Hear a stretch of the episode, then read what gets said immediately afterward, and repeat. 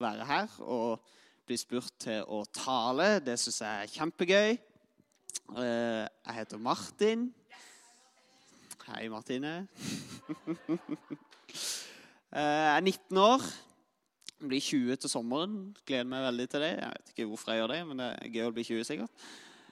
Uh, jobber som rørlegger av alle ting. Det er veldig gøy. Så er det noen som skal begynne på bygg og anlegg? Nei, det var det ikke. Da Iallfall. Eh, taleserien og talen. Gjeteren og sauene. Og skal tale om temaet 'sendt ut'. Eh, og hva er vi sendt ut til å gjøre? Vi er sendt ut til å gjøre flere forskjellige ting, men jeg har valgt å trekke fram at vi er sendt ut for å dele tro. Og så skal jeg lese litt fra Bibelen. Det er Matteus 28, 18-20. Da trådte dette For å gi litt kontekst Dette er etter at Jesus har stått opp, og alle er superglade, og så skal han til Så er det rett før han drar tilbake til himmelen igjen, da. Så står det Da trådte Jesus fram og talte til dem. Jeg har fått all makt i himmelen og på jorden. Går derfor og gjør alle folkeslag til disipler. Døp dem til Faderens og Sønnens og Den hellige ånds navn, og lær dem å holde alt det jeg har befalt dere. Og se, jeg med dere alle dager inn til verdens ende.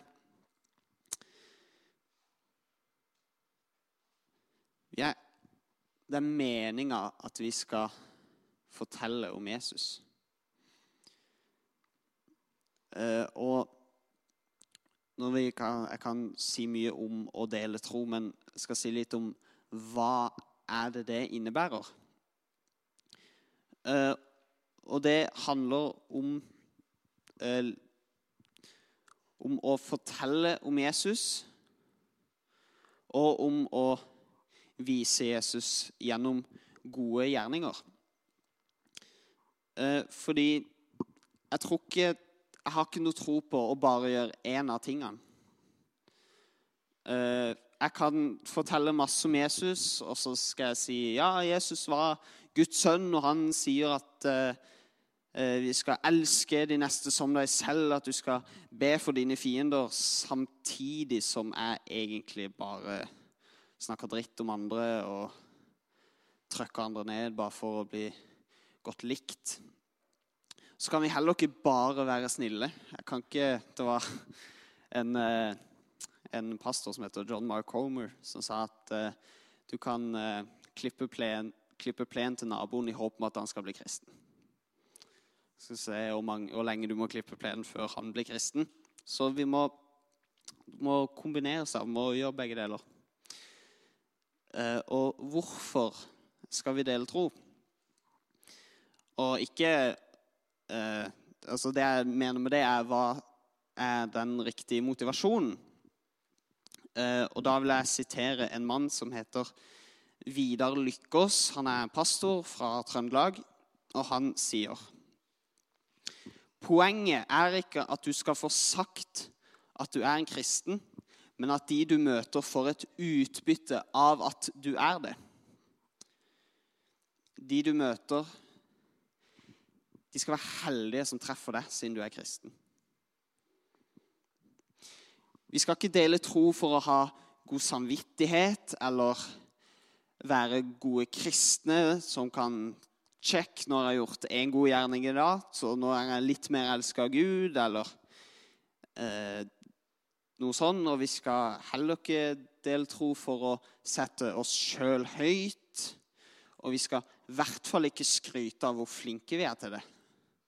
I dag sa jeg til hele klassen at jeg var i kirka på søndag. Hæ? Ja, way.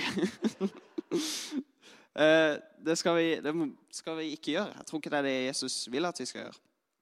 Det handler heller ikke om at kristendommen skal få mer makt bare for å få mer makt, eller at kirka skal få masse suksess, at det skal komme dritmange på gudstjeneste, eller dritmange på Connect, eller at eh, ja, hva som helst. Nei, det handler om at de vi møter, skal føle seg sett. Og at de skal føle seg respektert. Og at de kan få erfare bare litt av Guds enorme kjærlighet gjennom oss. Vi skal rett og slett dele tro for de. For det handler ikke om oss. Det handler om de vi ja, snakker med, da. Og de vi deler til. Og det neste naturlige, logiske spørsmålet her er ja, men hvordan gjør vi det? Jeg syns det er kjempeskummelt. Jeg tør jo nesten ikke å si at jeg er kristen i klassen. Eh, hvordan skal jeg gjøre det? Og så har jeg skrevet ned noen punkter som jeg mener er viktige, eh, og som jeg tror eh, man vil komme mye lenger med enn hvis man eh, gjør andre ting. Det er flere ting enn bare det jeg kommer til å si nå, men jeg sier noe jeg tror er viktig. da. Og nå kan alle ta opp mobilen. For jeg er så møkkalei at folk driver og glemmer taler. Og dette er ganske viktig å få med seg. Og så kan de åpne notat-appen på telefonen.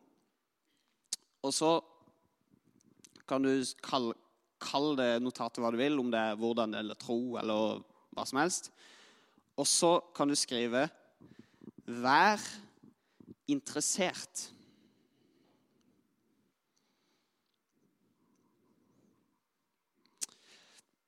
Jeg er overbevist om at hvis du er ekte interessert, og hvis du bryr deg skikkelig om den personen du prater med, og at du viser kjærlighet, så kommer de til å høre på det du har å si, selv om de er helt uenig i det du sier. Det tror jeg. Og skal jeg fortelle en historie. Det var en gang jeg var på jobb. Eh, og i min jobb som rørlegger så blir det mye så er vi veldig mye i bil. Vi sitter, kjører kjempemye i bil. Eh, og så var jeg i bilen til en kollega, og så venta vi på en tredjemann. Så vi hadde litt dødtid. Eh, og så eh, begynte vi å prate litt, og så kom vi inn på dette da med kristendom og tro og sånn. Og, jeg, og så, han, var, han var ikke kristen. Det er viktig detalj. Og så fortalte han at når han gikk på ungdomsskolen og videregående, så var det veldig mange kristne i den klassen han gikk i. Og han hadde ikke noe imot det. De måtte gjerne være kristne for hans del. Eh, men de var veldig opptatt av å fortelle om det de hadde gjort. Eh, om det møtet de hadde vært på på lørdag eller fredag. Om at det var så vanvittig bra. Og Gud var virkelig her. Altså, jeg mener det. og hvor hvor bra det møtet hadde vært, og masse greier. Og veldig glad i å fortelle om Jesus. Og det er superbra, det, altså. Men det var ikke en eneste av de som lurte på hva han hadde gjort i helga. Og han hadde jo vært på fest med sine venner og kan jo synes hva han vil om det, men eh, eh, og da mis, Han mista på en måte litt av respekten for de kristne som han gikk i klasse med, fordi han, han mente at de bare tenkte på seg sjøl og sin tro. Og det kan jeg jo forstå. Det var jo alt de snakka om. De var rett og slett ikke interessert i han. Og så neste punkt som eh, du må skrive. Det er at du skal ha dialog, ikke monolog. Jeg skal fortelle litt om hva det betyr. Eh, dialog det tror jeg de fleste vet, det er jo en samtale mellom to eller flere personer. Eh, mens en monolog det er sånn som jeg gjør nå, hvor jeg bare står og forteller. og så... Eh, det er ikke toveiskommunikasjon. Jeg står bare og forteller, så må dere bare nikke og smile. og så... Og når det kommer til det her, så Jeg tror dette er kanskje det viktigste punktet. Fordi jeg har opplevd og jeg har sett kristne som blir spurt hvorfor er du kristen og så øker pulsen, og så OK, dette, ok, dette har jeg øvd på. Jeg vet hva jeg skal svare. Det er som de skal til muntlig eksamen. Ok, okay nå, Han spurte, han spurte. Og hvorfor er jeg kristen? Ok, eh, Nå er det viktig. Ok, jeg må slappe av. slappe av. Eh, nå er det viktig, Jeg må huske hva jeg skal si.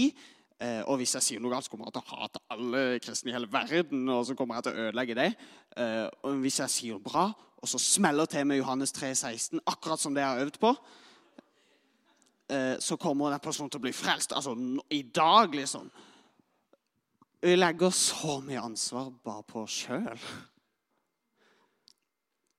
Fordi en dialog eller en samtale den tåler usikkerhet.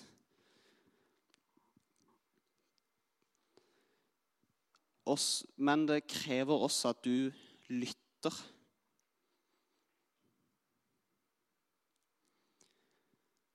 Jeg vil si det er nesten viktigere at den du snakker med, får si sitt, enn at du skal få si ditt.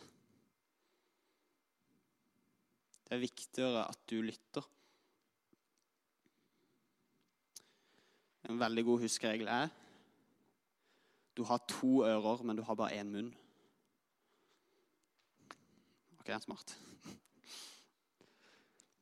Og så siste punkt du skal skrive ned det er lov å ikke vite alt. Eller du trenger ikke vite alt. Eh, hvis du er en åpen kristen og er stolt av det, så er det superbra. Eh, og da kommer du til å møte mange vanskelige spørsmål. Og det er ikke Hvis du kan svar, svare for det, så er det dødsbra.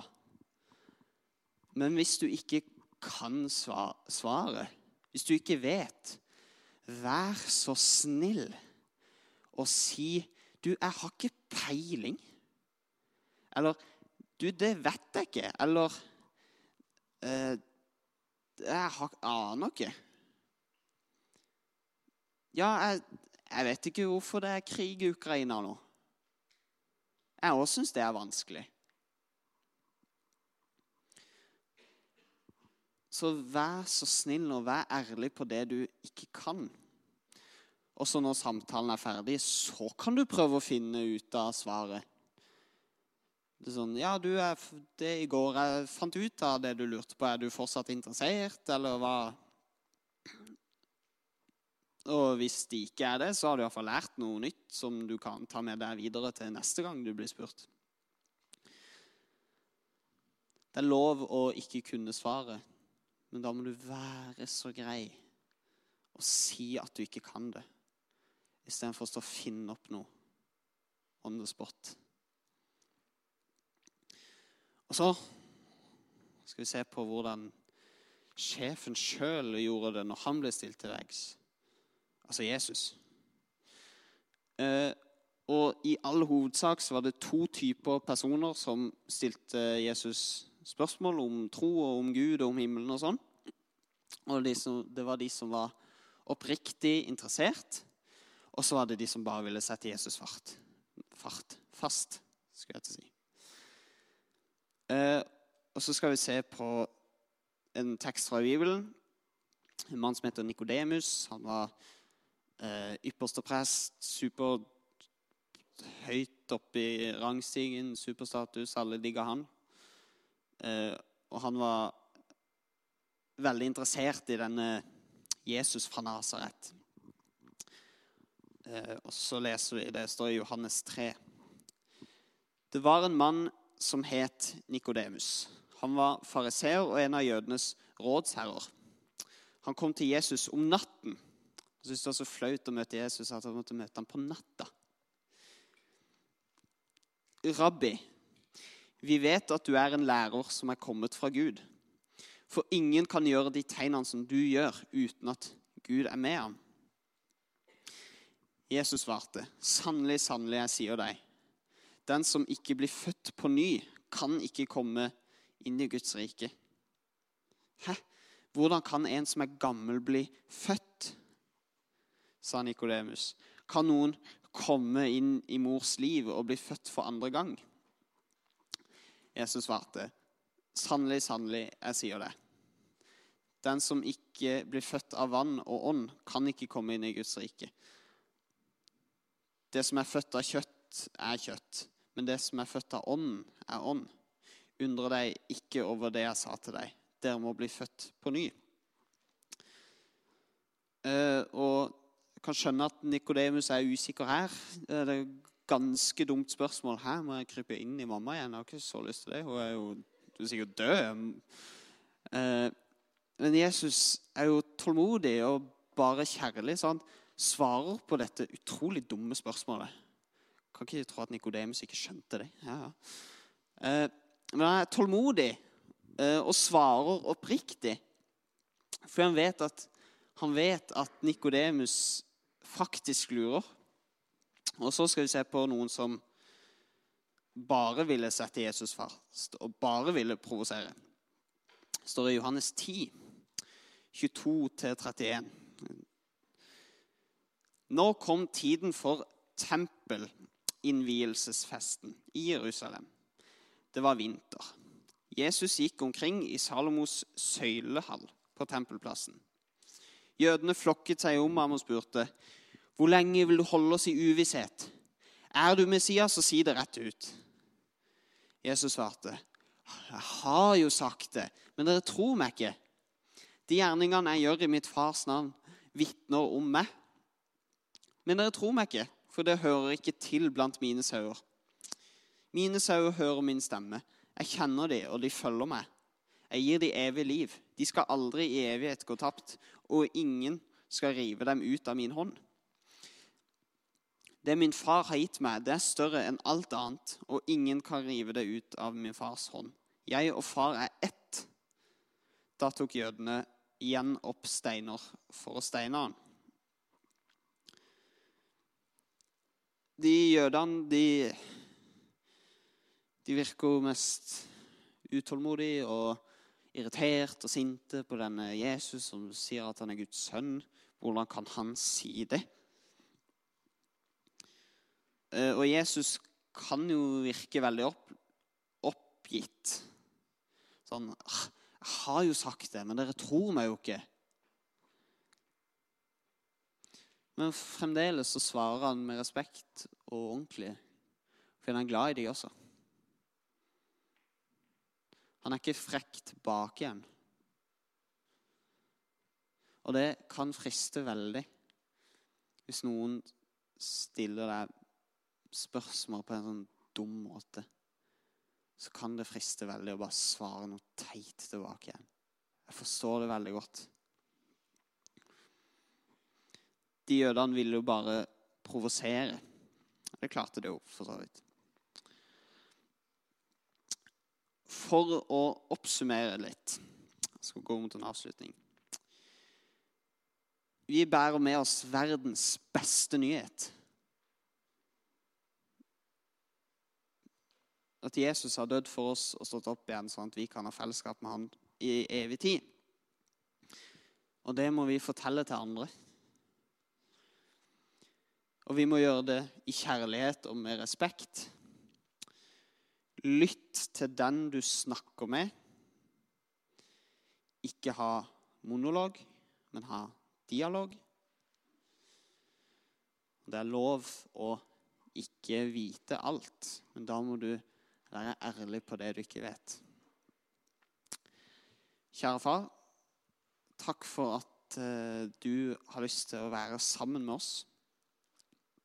Jeg ber om at du skal hjelpe oss når vi blir stilt til veggs for det vi tror på, og hjelpe oss til å Hjelp oss å gi de riktige svarene, men aller helst hjelp oss til å møte de vi møter, med kjærlighet. Amen.